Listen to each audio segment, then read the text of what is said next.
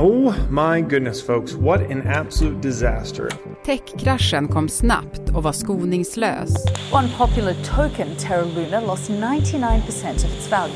Börsrasen har drabbat både uppstickarna och de stora jättarna. Google, Meta, Pinterest. Och nu kommer uppsägningarna som ett brev på posten. People have been encouraged to work from home and they're going to get a calendar invite to find out if they've been laid off. På en kvart får du veta varför börsraset skapar en dominoeffekt i hela branschen. Och om eran för techbolagen är över nu. Is this 2000 for tech and crypto? Det är fredag den 27 maj. Jag heter Alexandra Karlsson och det här är dagens story från Svenska Dagbladet.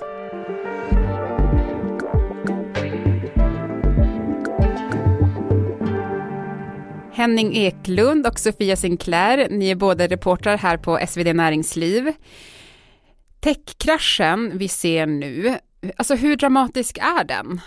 Det beror lite på hur man ser det. Det är väldigt dramatiskt i liksom hur stort skifte det är. På ganska kort tid så har vi gått ifrån att de här bolagen har varit liksom superhögt värderade, det har varit det absolut hetaste till att det inte är så längre. Eh, så på det sättet är det väldigt eh, dramatiskt. Ja, och man har ju sett väldigt, väldigt stora nedgångar. Alltså eh, Nasdaq som ju är väldigt eh, tungt i liksom, tillväxt och, och techbolag har ju haft den sämsta starten på året mm, någonsin och är ner 26 procent nu eh, i USA. Och många, många av de här bolagen, de stora bolagen till och med, har ju fallit så här 40 60 procent. Eh, så att det är ju väldigt, väldigt stora fall, men från också ska man ju komma ihåg höga eh, nivåer. Mm. Eh, och sen så, så ska man ju också tänka på att eh, samtidigt så har ju allt fler personer investerat i aktier i Sverige till exempel. Så det blir ju också eh, vi såg ju en boom i, i liksom aktiesparande under framförallt pandemin och många har ju också gått in i techbolag för att det har historiskt sett eh, bara pekat uppåt. Mm. Så det är klart det blir också extra kännbart kanske för fler eh, just nu. Mm. Men vad beror nedgången på då? Men det, det skiljer sig mellan olika techbolag ska man väl först och främst eh, säga. Men, men lite generellt så, och de som har haft det allra tuffast är ju de som har kanske kommit in på börsen ganska nyligen och som har haft väldigt stort fokus på just tillväxt eh, istället för att eh, ha en liksom lönsam affär och kanske inte ha en affärsmodell som är helt bevisad. Och de har ju straffats eh, väldigt hårt. Eh, men framförallt så handlar det ju om att investerare vill ha mindre risk i sina investeringar. Eh, och då så allokerar man om sitt kapital. Eh, man stoppar hellre in pengar i, i tryggare tillgångar och bolag som har bevisad lönsamhet. Precis, det, ja, men det största är ju makroekonomi, alltså pengar har varit gratis i stort sett, säger liksom investerare som håller på med det här. Efter pandemin så var stimulansåtgärderna så enorma, liksom det bara trycktes ut pengar från centralbankerna och när det finns jättemycket pengar i omlopp då tycker investerare att det är okej okay att spendera dem för att få avkastning långt in i framtiden, ta stora risker. När det blir inflation, höjda räntor, krig i Europa, då blir det inte lika kul att ta de här stora riskerna. Mm. Och det är därför den här tiden som vi går in i nu med högre räntor och krig och allt det där du sa, det är därför det slår extra hårt mot just de här tillväxtbolagen.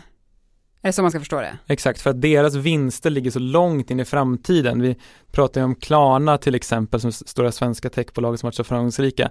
De gör jättestora förluster, de kommer gå med vinst om många, många år.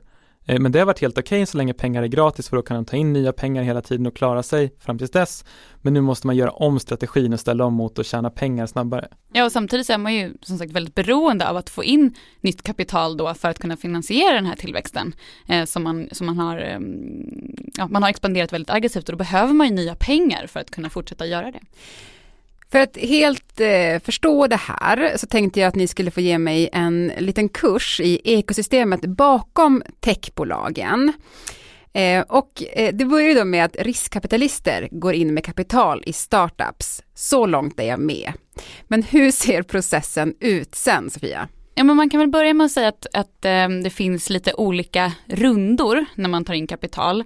Eh, dels så finns det ju eh, alltså pre-seed kan man säga, alltså den allra första, eh, de allra första pengarna man tar in och sen så växer det där och så är det liksom eh, A-rundor, B-rundor, C-rundor, D-rundor. Och det fortsätter, eh, att man tar in eh, nya pengar till en högre värdering eh, för att sen inom ett par år förhoppningsvis kunna göra en, en exit på börsen och få väldigt, väldigt bra avkastning på sitt investerade kapital. Mm. Så kan man väl säga i korthet. Och så länge värderingen bara blir högre och högre så är det ju win-win. Det blir som ett självspelande, självspelande piano, alla är jättenöjda.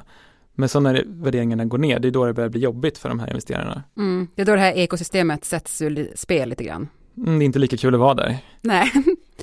Och en sak som vi nu ser hända i och med det här, eh, alltså när det hårdnar, så väljer företagen att spara pengar och det gör man genom att göra sig av med personal. Ja, precis. Man försöker kapa kostnaderna så mycket det bara går helt enkelt. Man drar in på allt möjligt och då är ju personalen en sån grej som är Ja, det kostar ju mycket pengar helt enkelt att ha mycket utvecklare eller marknadsförare eller vad det nu är de här yngre bolagen har. När de måste kapa kostnaderna, och vända till lönsamhet så är det ju flera som har riktat in sig mot att skära i personalkostnaderna.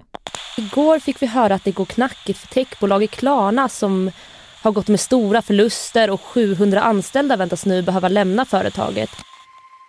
Under veckan fick personalen på Klarna beskedet att företaget kommer göra sig av med 10% av personalen. Det innebär att omkring 700 tjänster försvinner. The CEO reportedly made the announcement via a pre-recorded video message. Strax efter beskedet om uppsägningarna redovisade Klarna en jätteförlust för årets första kvartal på över 2,5 miljarder kronor. Och det var över 200 procent eh, högre förlust än motsvarande period i fjol. Andra svenska techbolag som går samma väg är ljudbokstjänsten Storytel, e-handlaren Naked och vårdföretaget Kry. Trenden syns också bland de amerikanska techbolagen som nu sparkar anställda. Bland dem finns nätmäklaren Robinhood och streamingjätten Netflix. Henning, du var ju den som först rapporterade om att Klarna nu skulle säga upp eh, folk, eh, en nyhet som kom tidigare i veckan. Hur är stämningen på Klarna nu? Eh, ja, men jag har pratat med lite folk som jobbar där och det verkar lite stelt sådär. De har fått de här direktiven att ingen får komma in till kontoret. Alla måste jobba hemifrån under den här veckan när vi spelar in. Eh, det är också, då sköts mycket av kommunikationen på det interna kommunikationsverktyget Slack som är en sån här chatt program och där är det normalt sett ganska livat men nu har jag fått höra att det är ganska tyst där. Det snackas inte så mycket. Det verkar vara eh, ja, men lite, lite kyligt på Klarna, min, min bild i alla fall. Men hur tufft är läget för Klarna? Ja, de förlorar jätte, jätte, jätte, jättemycket pengar. Eh, 2570 miljoner eller 2,5 miljarder Eh, under årets första kvartal. Så det bara strömmar ut pengar och de behöver vända det här nu när pengar har blivit dyrare på grund av makroekonomi som vi pratade om så är det ju upp till dem att eh, vända utvecklingen, skära i kostnaderna. Eh, och det är det som händer nu. Ja men många måste ju också ställa om nu eh, generellt, att man tvingas ställa om från den här kraftiga tillväxten till att faktiskt kunna visa lönsamhet. Eh, för det är det som investerare Eh, vill ha just nu. Och det är ju tufft och då är det då man behöver göra de här eh, personalneddragningarna och kanske ställa om lite i affärsmodeller och sådär. Och det kommer ju bli tufft för vissa bolag eh, att kunna göra det i tillräckligt god tid för att man ska kunna visa lönsamhet. Sen är det ju, ska man också komma ihåg att i Sverige är det faktiskt inte så lätt att göra sig av med personalen. Eh, I USA var det ju flera som uppgifter till oss om att Klarnas personal fick gå på dagen helt enkelt. De har inget jobb kvar. For those that are Sex and the City fans, when Sarah Jessica Parker was dumped in a post-it note, yeah. right, by Burger, that's yeah. what this goes back to. Men i Sverige är det ganska dyrt att göra av med personal, men på sikt så hoppas de i alla fall kunna spara in på, på detta.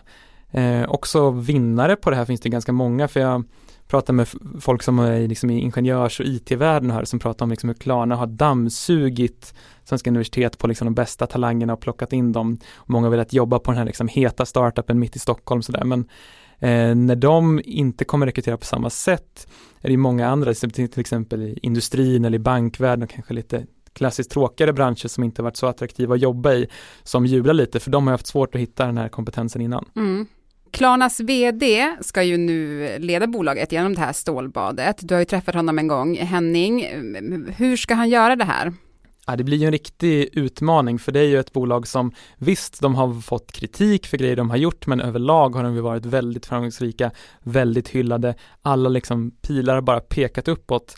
Eh, och det blir tufft för Sebastian. Jag träffade honom en gång och fick bara en sån här bild, det kanske låter lite klyschigt men att han är så långt ifrån en klassisk bank-VD som det går att komma. Vi hade bokat en tid för en intervju, jag sitter där, Klarnas kommunikationschef sitter där, Sebastian, var är han? Ingen vet. Så här, liksom, fem minuter går, tio minuter går, då släntrar han in lite orakad, sin stora ylletröja, kommer för sent, ah fan jag måste gå ut och ta, ta en kaffe så här, sen börjar gå och svär i varje mening och ska liksom berätta en rolig historia som man har, något videoklipp han har sett innan intervjun börjar. Han är verkligen en karaktär och han är ju liksom så tätt förknippad med det här varumärket också, han är verkligen Mr Klarna liksom. Mm Men det blir tufft för honom nu? Ja absolut och det är kanske en annan typ av ledarskap och en annan ledarstil som krävs när det går dåligt eller när man måste skära ner än när man bara expanderar hela tiden så han måste ställa om han och hela ledningen tror jag måste ställa om sitt eh, fokus nu. Men, men vad tror du kommer hända med, med både Klarna och även Kry framåt? Det handlar om de lyckas, kommer de lyckas ställa om eller inte. Eh, Klarna har ju varit så högt värderat, de har liksom högre värderat än svenska storbanker som Swedbank och Handelsbanken som har en mycket större verksamhet nu för att man hoppas mycket på Klarnas tillväxt framöver. Eh, när man jämför liksom eh, Klarna med Swedbank så tänker jag på jämförelsen mellan Tesla och typ alla andra biltillverkare. Att Tesla liksom hade knappt börjat tillverka bilar när den var högre värderad än Volkswagen och Toyota och liksom alla de största, men Tesla verkar ha, de verkar ha lyckats ta sig in, börja tillverka bilar och leva upp till den här värderingen. Och jag vet inte vad Klarnas motsvarighet till att börja tillverka bilar är, men börja liksom få till den här lönsamma affären, så kanske de kan växa in i den här värderingen som är högre än Swedbank och Handelsbanken. Mm. Men, men den här eran då för techbolagen som vi har sett, eh, är den över nu? Ja, det skulle jag nog inte säga. Det som jag tror kommer hända är väl att man snarare kommer skilja ur de bolagen som har gynnats av det här otroligt låga, låga ränteläget och den här riskviljan. Att de bolagen som faktiskt har en bra affärsmodell eh, och som eh, kan nå eh, lönsamhet, de kommer ju fortfarande få pengar. En bra affärsmodell, affärsidé kommer ju alltid generera kapital. Eh, men däremot de som har varit eh, haft det väldigt Ja, de, de mindre bolagen som inte, bevis, har inte har bevisat sig, de kommer ju troligtvis att eh, försvinna. Mm. Men, men, finns det någon som kan gynnas av det här? Alltså någon annan bransch? det är lite svårt att säga vart pengarna tar vägen. Eh, men definitivt mot sådana som bolag som är mer etablerade och visar att de faktiskt eh, kan gå med vinst och kan generera pengar istället för att leva på framtida förhoppningar. Vi har ju också sett en, en enorm nedgång bland kryptovalutorna och där talar man ju om en kryptokrasch. Hänger de här sakerna ihop? Ja men delvis, eh, för tidigt i, i liksom bitcoin-eran, eh, som när bitcoin kom, så har man ju sett eh, att många investerare har varit ja, vanliga personer, eller det har inte varit så mycket Eh, institutionella investerare där, men det har ju ändrats på senare år när krypto har blivit också mer eh, brett och populärt och, och stora Eh, stora finansiella institut har sett att men här finns det eventuellt pengar att tjäna. Eh, och när de då ställer om mot att de inte vill ha sina, sitt kapital eh, där det är väldigt hög risk, ja men då drar ju de sig ur. Och det är därför som krypto har börjat följa lite mer, eller ja, betydligt mer börjat följa den vanliga aktiemarknaden för att man ser på det också som en risktillgång och det är stora eh, institut som har pengar där. Så att ja, till viss del hänger det ihop. Ja men exakt, många kryptoförespråkare har ju tidigare sagt att nej men bitcoin och börsen hänger inte ihop, det här är en egen sak men man ser ju väldigt tydligt om man bara tittar på siffrorna och de analyser som jag har läst också så är ju bitcoin och kryptovalutorna hänger tydligt ihop med riskviljan på marknaden. Det är en väldigt så här, tydlig indikation på hur mycket risk man vill ta för man vet hur volatilt det är. Och volatilt, det har jag fått läsa mycket den senaste tiden. Vad betyder det? Det betyder att det är ostadigt, ostabilt, det går upp och ner, svänger fram och tillbaka, man vet inte var det ska ta vägen. Hörni, vad kommer ni hålla ett extra öga på framåt här? Men det blir ju såklart extra intressant att se nu eh, hur det går med framtida kapitalrundor. Eh, till exempel då Klarna som ju har, eh, det har ju rapporterats om att de är på väg att ta in eh, uppemot 10 nya miljarder, eh, men då eh, troligtvis till en lägre värdering. Eh, hur kommer det gå? Kommer de stänga den? Vad kommer värderingen att eh, landa på? Eh, och även liksom Kry och andra bolag som är i behov av att ta in mer pengar framöver. Hur kom, kommer de rundorna att gå ihop? Det kommer jag att eh, kika på. Mm, ja, men jag håller helt med och sen så kommer jag titta också på hur det här sprider sig liksom kring hela marknaden till och med liksom etablerade stora amerikanska techjättarna, så de har ju hållit ganska bra ändå, liksom världens största bolag, men om det börjar svänga mer där och de måste börja skära ner också, då snackar vi ju stora förändringar i så fall. Tack Sofia och Henning för att ni var med i Dagens Story. Tack. Tack för att vi fick komma. Programmet idag klipptes av Lasse Edfast. Redaktör var Erika Hallhagen. Och jag heter Alexandra Karlsson. Klippen i programmet kom från BBC, Sveriges Radio, Yahoo Finance, Bloomberg och DITV. Vill du kontakta oss så mejla till dagensstory.svd.se